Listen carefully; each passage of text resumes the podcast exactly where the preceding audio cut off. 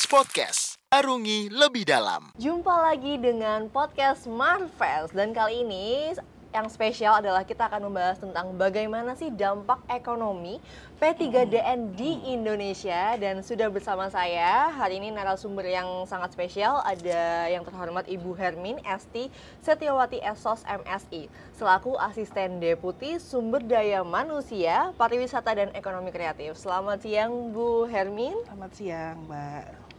Dan perkenalkan, nama saya adalah uh, Farah Almira yang akan menemani Ibu Hermini dan kita akan berbincang tentang dampak ekonomi P3DN di Indonesia. Baik, sebelum kita melanjutkan ke uh, podcast selanjutnya dan kita akan mengawali nih dari yang pertama nih, uh, kira-kira apa sih yang dimaksud dengan P3DN dan kapan awal mula P3DN ini dicanangkan Bu? Dan mulai berjalannya itu proses awalnya seperti apa? Boleh ya. dijelaskan Bu? Oke, makasih Mbak Farah ya. Mungkin ya.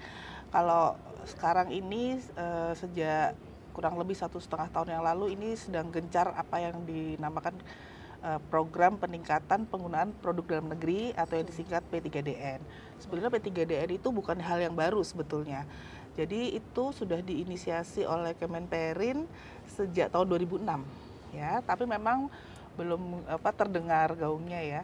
Nah, justru setelah di tahun uh, justru di tahun 2020 uh, eh, pada tanggal 14 Mei 2020 itu presiden meluncurkan uh, gerakan nasional bangga buatan Indonesia. Ya, lalu pada tahun 2022 uh, gerakan nasional bangga buatan Indonesia ini mendorong implementasi belanja pemerintah ya untuk produk dalam negeri. Nah, ini sebetulnya program eh, P3DN ini adalah implementasi dari uh, Gernas BBI gitu. Jadi memang apa kegiatan ini sangat masif dilaksanakan khususnya dari awal tahun 2022 kemarin sampai dengan sekarang dan nanti untuk yang ke depannya juga. Gitu Mbak.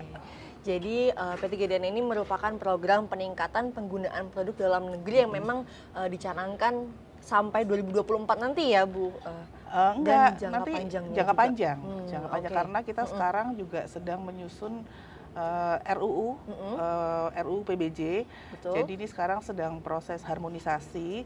Jadi dengan adanya Undang-Undang Pengadaan Barang dan Jasa ini diharapkan kegiatan P3DN ini akan uh, berlanjut terus. Oke, akan berlanjut terus. Dan kalau tadi uh, Ibu jelaskan memang tujuannya adalah P3DN ini merupakan uh, meningkatkan pro penggunaan produksi dalam negeri dan hmm. meningkatkan kesempatan kerja juga ya, ya betul ya pasti. Bu ya. Dan pastinya ini juga merupakan program penghematan devisa negara. Ya. Dan ini juga mengurangi ketergantungan terhadap produk luar negeri melalui pengoptimalan belanja pemerintah. Betul ya betul, Ibu ya. Betul sekali. Nah, selanjutnya nih Bu yang ingin kita ketahui bersama juga dari mana sih Bu kira-kira uh, uh, pemerintah ini mengetahui jumlah atau persentase masyarakat hmm. yang sudah menyukai atau menggunakan produk dalam negeri. Boleh dijelaskan, Bu? Oh, kita pengen tahu ini ya, persentase ya. apa pengguna produk dalam negeri. Hmm. Sebenarnya kalau dilihat dari persentase itu kita bisa uh, ada beberapa target. Misalnya dari target pemerintah sendiri, dari target industri, lalu dari masyarakat. Uh, pemerintah uh, dari dari sisi pemerintah itu melibatkan pemerintah pusat, pemerintah daerah dan BUMN ya. Itu uh, salah satu target. Lalu uh, kalau dari pemerintah pusat itu ada aksi afirmasi belanja produk dalam negeri. Jadi ini adalah percepatan. Ya. Uh, itu juga di apa dikuatkan dengan adanya Impres 2 tahun 2022 ya tentang percepatan peningkatan penggunaan produk dalam negeri dan produk UMKM. Lalu untuk uh, masyarakat ya, untuk masyarakat sendiri tentunya ini untuk masyarakat umum ini dari semua generasi ya. Uh, dari termasuk generasi apa milenial, generasi Z, generasi Z, ya itu dari untuk masyarakat. Lalu selain itu dari sisi, sisi industri juga, industri dalam arti pelaku usaha. Ini dari industri dan yang non industri. Non industri itu seperti uh, UMKM ya, uh, startup itu uh, termasuk uh, target ya dari uh, untuk apa target untuk P3DN ini gitu ya. Hmm. Kalau kita melihat persentase jumlah persentase kalau dari sisi uh, pemerintah itu kita bisa melihat uh, apa uh, dari dashboard yang ada di LKPP. dashboard dari LKPP itu uh, semuanya lengkap di situ realisasi belanjanya dari mulai perencanaan sampai dengan uh, pembayaran ya itu ada semua di dashboard LKPP lalu kalau dari uh, sisi industri kita bisa lihat dari uh, aplikasi Sinas yang hmm. ada di Kemenperin hmm. nah itu ter apa tercapture semua uh, pengembangan industri dalam negeri. Di situ bisa dilihat itu bisa diakses untuk siapa pun gitu ya. Nah, untuk masyarakat, nah ini mungkin kita bisa melihat di uh, gerakan nasional bangga buatan Indonesia gitu ya, yang uh, sekarang masif dilakukan setiap bulan dari mulai kick off-nya hingga uh, harvestingnya, okay. gitu. Kalau mau lihat prosentase, mungkin kalau prosentase sebetulnya sudah ditetapkan oleh Bapak Presiden ya, Betul. 95% anggaran belanja pemerintah itu untuk produk dalam negeri. Jadi impornya hanya 5%. Wow. Lalu 40% dari belanja, uh, anggaran belanja itu harus dibelanjakan melalui uh, untuk produk UMKM gitu ya. Uh, lalu juga uh, 15 triliun itu uh, harus belanja melalui e-katalog yang ada di LKPP. Mungkin itu Mbak. Wah, informasinya cukup lengkap ya, Marves ya. Nah, uh, kalau tadi boleh saya rangkum sedikit nih. Jadi uh, Bu R Ibu ini menjelaskan tentang 90 persen, 95 persen, 95 persen uh, anggaran belanja itu memang untuk uh, produk, belanja dalam, produk dalam, dalam negeri, dalam negeri dan juga 40 persennya dikhususkan untuk UMKM betul iya, ya Bu betul. ya dan memang uh, ini adalah uh, cara pemerintah untuk meminimalisir uh, adanya impor mm-hmm. gitu ya dan mengoptimalkan adanya produk dalam negeri mm-hmm. uh, baik dalam segi pembelanjaan maupun uh, anggarannya juga seperti itu. Nah selanjutnya mm-hmm. nih Bu uh, tadi kan juga sudah dijelaskan targetnya ada dari pemerintah, ada dari uh, generasi milenial, generasi Z untuk masyarakatnya. Dan uh, seperti apa sih Bu progres yang selama ini sudah berjalan? Apakah mm -hmm. sudah ada kemajuan Bu untuk uh, pengoptimalan program P3DN itu progresnya ya. Iya. kalau progres pasti Mbak. Mm. kalau progres uh, progres untuk ini ya apa uh, program ini ya. Kalau progres ini misalnya nih uh, dari kalau melihat dari dashboard LKPP ini sekarang hanya ada satu aplikasi dulu itu ada sekitar 20 20 lebih aplikasi yang disatukan dalam satu dashboard. Kan biasanya setiap kementerian tuh punya aplikasi masing-masing ya Betul. untuk dia apa mengcapture berapa jumlah uh, realisasi belanjanya. Nah, sekarang ini uh, semuanya sudah bisa dilihat dalam satu aplikasi. Itu baik dari pemerintah pusat, pemerintah daerah, daerah. maupun BUMN. Hmm itu salah satu progresnya. Uh, lalu juga selain itu diterbitkan juga kartu kredit Indonesia. Hmm. Jadi kartu kredit Indonesia itu memang asli um, uh, prinsipalnya dari uh, dalam negeri. Selama ini kan kita kalau kartu kredit itu dari Mastercard, prinsipal dari Mastercard dan Visa ya.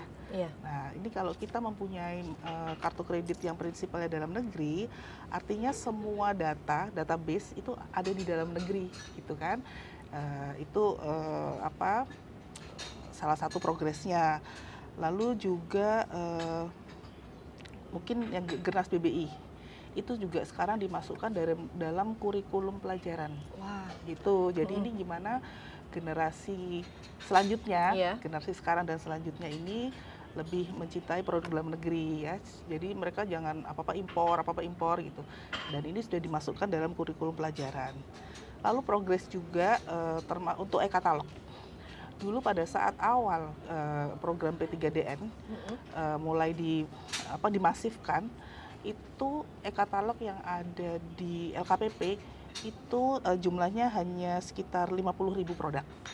Sekarang sampai hari ini ini sudah 6 juta produk Wow. 6 juta produk. Jadi hanya dalam waktu satu setengah tahun uh -huh. sudah bertambah, oh, sudah pokoknya udah 6 juta produk dari 50 ribu produk yang ada di e-katalog. Tentunya ini kan yang apa yang suatu kemajuan, apa, suatu kemajuan ya, satu Bu, ya. uh, suatu progres yang uh, sangat luar biasa. Iya. Sebetulnya kalau mau dilihat progresnya banyak ya karena dalam impres itu uh, siapa melakukan apa masing-masing kementerian lembaga itu sudah melakukan tugasnya dengan baik begitu mungkin bisa gimana ya kalau mau jelasin satu itu panjang banget terlalu gitu. panjang Mungkin, karena memang progresnya cukup banyak ya betul Oke, baik. Tadi juga sudah dijelaskan ada terpusat pada satu aplikasi dan itu uh, yang saya cukup menarik, Bu. Tadi ada kurikulum pelajaran yang memang mm ini dikhususkan untuk uh, generasi muda khususnya mm -hmm. yang masih dalam dunia pendidikan ya masa belajar mm -hmm. itu bisa mengenal produk dalam negeri lebih yeah. jauh lebih dalam lagi. Jadi mereka dididik dari kecil untuk bisa uh, lebih mencintai produk dalam negeri Betul. seperti itu. Nah, selanjutnya Ibu dari progres tadi nih Bu, apakah sudah terbilang berhasil atau masih banyak impian yang sebenarnya masih uh, perlu dicapai seperti itu Bu? Kalau dibilang berhasil, sebetulnya ini proses ini berjalan terus mm -hmm. tentunya ya, apalagi dalam waktu yang baru sesingkat ini dengan progres yang kalau kita lihat seperti ini sebetulnya ya sangat luar biasa ya. Tapi memang perlu masih ada pembenahan, pembenahan yang perlu kita lakukan. Ya. Baik. Misalnya ya untuk uh, kalau untuk kementerian lembaga pusat mungkin lebih mudah ya menanganinya tapi kalau untuk daerah di daerah itu kan uh, kita tahu negara kita itu negara kepulauan uh, sementara semuanya harus serba apa digital kan supaya lebih transparan. Nah mungkin dari aspek SDM-nya ya yang belum uh, apa belum memahami bagaimana menginput data ke SIPD misalnya. Eh, lalu yang kedua masalah jaringan jaringan hmm. di daerah itu kan juga hmm. uh, on off ya ada ya, juga yang betul. blank spot kayak gitu nah itu yang menjadi tantangan, tantangan ya? uh, jadi memang hmm. masih dibutuhkan sosialisasi sebetulnya kalau dari Kementerian Dalam Negeri itu mereka juga sudah mengeluarkan surat edaran tapi ternyata memang uh, untuk beberapa daerah ya uh, khususnya yang di timur ya hmm. paling apa semakin timur tuh semakin hilang sinyalnya yeah. gitu kan nah itu uh, memang dibutuhkan sosialisasi yang lebih masif apalagi sekarang ada provinsi baru ya. Mm-hmm. nah itu juga uh, perlu apa sosialisasi diseminasi pendampingan uh, dari mungkin kalau uh, masalah pengadaan barang jasa dari LKPP masalah industri dari Kementerian uh, apa perindustrian kayak gitu. Mungkin itu sih mbak tantangannya. Baik. Jadi lebih ke sosialisasi kepada masyarakatnya khususnya di daerah terluar ya mm-hmm. di uh, pelosok Indonesia yang masih uh, adanya kurang jaringan seperti iya. itu ya Bu ya mm-hmm. tapi itu pasti masih bisa diatasi lah mm-hmm. seperti itu nah untuk uh, tadi keberhasilan progres nah kira-kira uh, ada strategi khusus apa lagi nih Bu yang bisa diceritakan dibagikan hmm. kepada hmm. kami khususnya Kemenko Marves ya untuk menyukseskan program P3DN setelah uh, pandemi ini selesai seperti itu. Hmm. Strategi khusus tuh banyak kita lakukan, Mbak. Jadi misalnya kita uh, sesuai impres nih, sesuai impres 2 tahun 2022 itu salah satunya kita harus mengadakan temu bisnis atau bisnis matching. Bisnis matching. Uh, bisnis matching ini kemarin di bulan Agustus itu sudah masuk uh, bisnis matching atau temu bisnis yang keenam.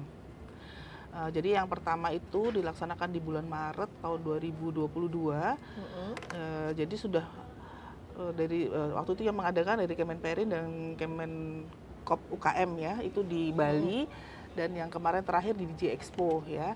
Uh, dari uh, itu yang pertama apa yang pertama adalah melakukan temu bisnis. Temu bisnis ini adalah suatu kegiatan yang mempertemukan antara penyedia barang mm -hmm. dan pembeli gitu. Jadi ini kita mengajak uh, apa satker dan PPK ini dari seluruh Indonesia datang ke acara tersebut. Dan uh, ada juga exhibition uh, pameran industri yang mana dibutuhkan uh, yang paling banyak dibelanjakan. Tuh.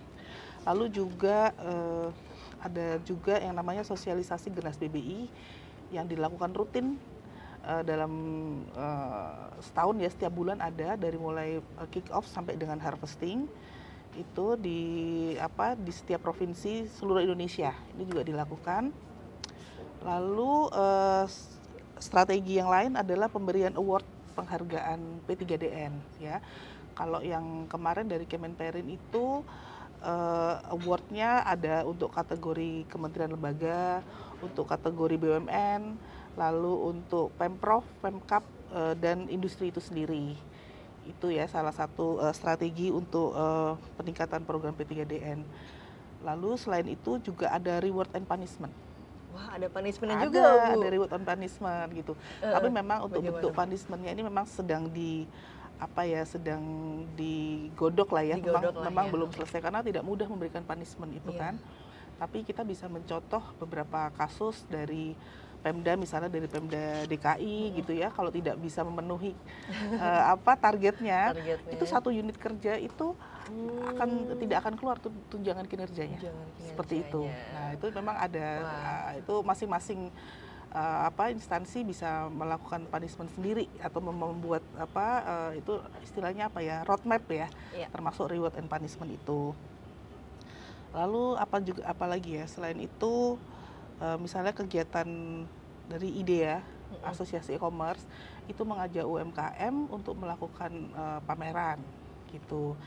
Lalu juga dari uh, BI melakukan kegiatan pameran juga karya kreatif Indonesia. Jadi kita menggandeng stakeholder terkait untuk uh, apa lebih memasifkan uh, apa supaya strategi peningkatan program P3DN ini bisa uh, berhasil dengan baik itu mungkin beberapa ya Mbak Spiro masih banyak sih yeah. yang bisa kita lakukan yeah, gitu. Betul, pasti masih banyak ya. Uh, hmm. Kita sama-sama tahu bahwa pemerintah ini saling gandeng menggandeng iya, ya antara betul. stakeholder antara uh, Kemenperin tadi juga -hmm. disebutkan antara uh, juga BI dan uh, Pemprov yang yeah. pastinya untuk tujuan program peningkatan penggunaan produk dalam negeri ini bisa berjalan dengan baik seperti -hmm. itu ya Bu. Nah selanjutnya nih Bu, uh, tadi sudah dijelaskan juga dari sisi perencanaan. Nah apakah ada campaign atau kampanye program yang ingin direalisasikan dalam waktu dekat, Bu? Terkait oh, program iya. P3DN. Uh, iya, pasti. Itu nanti sebentar lagi ini uh, campaign untuk yang Gernas BBI. Mm -hmm. Nanti uh, ini tak, minggu depan ya, itu akan dilaksanakan di Gorontalo wow. dan di Bengkulu gitu. Nah ini yang dalam waktu dekat itu akan terlaksana uh, program Gernas BBI itu dan itu kan uh, mengangkat potensi lokal daerah. Jadi makanya gantian-gantian ini okay. uh, eh, potensi daerahnya apa itu melibatkan pelaku UMKM di situ untuk mereka bisa apa uh, pameran lalu juga memperluas akses akses pasar gitu. Nah selain itu juga ada kurasi. Kurasi ini artinya produknya bisa uh, apa uh, naik kelas lah, lebih baik. Kurasi ini biasanya bisa dilakukan oleh biasanya Bank Indonesia atau uh, apa CSR yang lain ya dari BUMN juga bisa melakukan kurasi kayak gitu mbak ini dalam waktu dekat dalam ya waktu dekat nah, ya minggu jadi, depan lah minggu depan ada minggu depan akan dilaksanakan di Gorontalo ya nah, jadi warga Gorontalo dan Bengkulu harap siap-siap karena hmm. uh, kita akan sama-sama melaksanakan exhibition atau yeah. pameran ya untuk produk lokal yang ada di wilayah tersebut hmm. seperti itu bu. Nah kira-kira nih bu ada nggak sih kategori uh, favorit bu dari uh, produk dalam negeri yang kira kira-kira sekarang ini lagi booming nih di masyarakat? Oh iya, banyak sebetulnya. Mungkin uh, ini kayak apa Mbak Farah ini kan masih termasuk generasi Z mungkin iya, ya. betul. Nah sebenarnya produk apa merek-merek lokal tuh banyak loh di sekitar kita. Mungkin hmm. yang kita uh, apa ya nggak tahu dikira itu merek asing, padahal itu merek lokal. Misalnya tahu produk Erigo ya sekarang. Ya, nah, itu kan itu sudah mendunia. Sudah mendunia betul. Pas ikut di New York Fashion New York Week kan. Fashion Week, nah, ya. Itu itu produk lokal.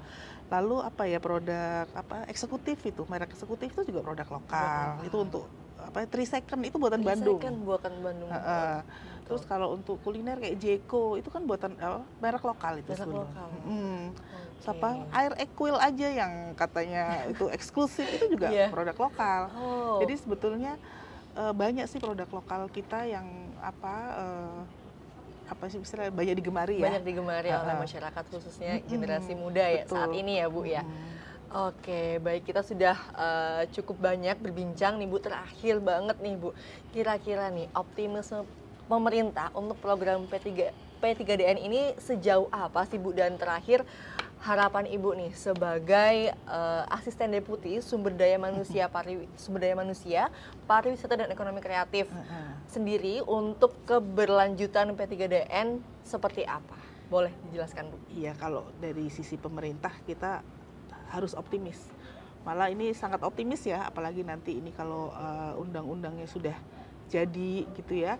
Uh, apa ini tentunya uh, akan menjaga kesinambungan uh, program P3DN ini ke depannya. Uh, karena ini agak akan menjaga program ini akan terus berlangsung karena sudah ada uh, apa regulasi yang melindungi atau yang akan yang apa mengikat mengikat gitu ya, ya, ya agar program ini terus berlangsung ya. ya. Itu sangat optimis kami dan yang membuat optimis juga karena ini adalah kolaborasi dari seluruh masyarakat Indonesia kalau kita bilang bener loh mbak. Sejak ada program ini itu saya jadi banyak kenalan. Betul dulu kan kita nggak saya kayak uh, saya sendiri dulu saya hampir setiap hari rapat P3DN jadi kayak sekolah aja sekaligus uh, saya belajar. Sekarang sudah satu minggu sekali. Satu minggu sekali uh, itu rapat eselon 2 nanti sebulan sekali ada rapat eselon 1 sebagai evaluasi dari uh, rapat mingguan yang kita lakukan itu. Itu di luar rapat-rapat yang kalau memang ada apa kasus khusus yang harus uh, istilahnya harus ada pisah kamar lah ya iya. istilahnya. Yeah. itu lebih jadi kadang-kadang seminggu tuh saya bisa tiga empat kali untuk rapat PDN aja gitu kan. Uh, dan itu ternyata responnya sangat luar biasa dari kementerian lembaga dari BUMN termasuk dari asosiasi. Dan kita juga sudah menggandeng Kadin ya okay. menggandeng Kadin uh, untuk mensukseskan uh, program P3DN ini. Jadi kalau optimisme sangat besar.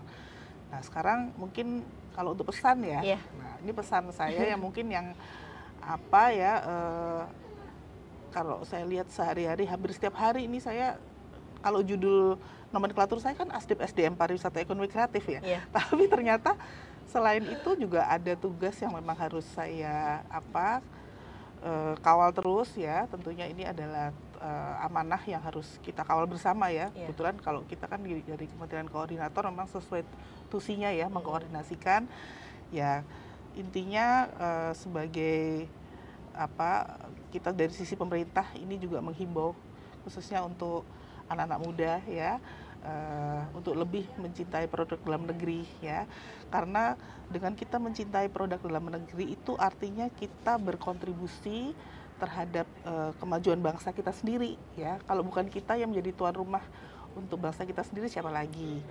Dan kita juga ikut membantu untuk pengembangan industri dalam negeri. Dengan kita memberi produk dalam negeri artinya industri itu akan berkembang. Lalu tadi Mbak Farah juga sampaikan bahwa itu akan menyerap tenaga kerja. Berarti Betul kita juga ikut berkontribusi menciptakan lapangan pekerjaan ya, ya. lalu juga uh, kita juga bisa menjaga stabilitas perekonomian ya kan?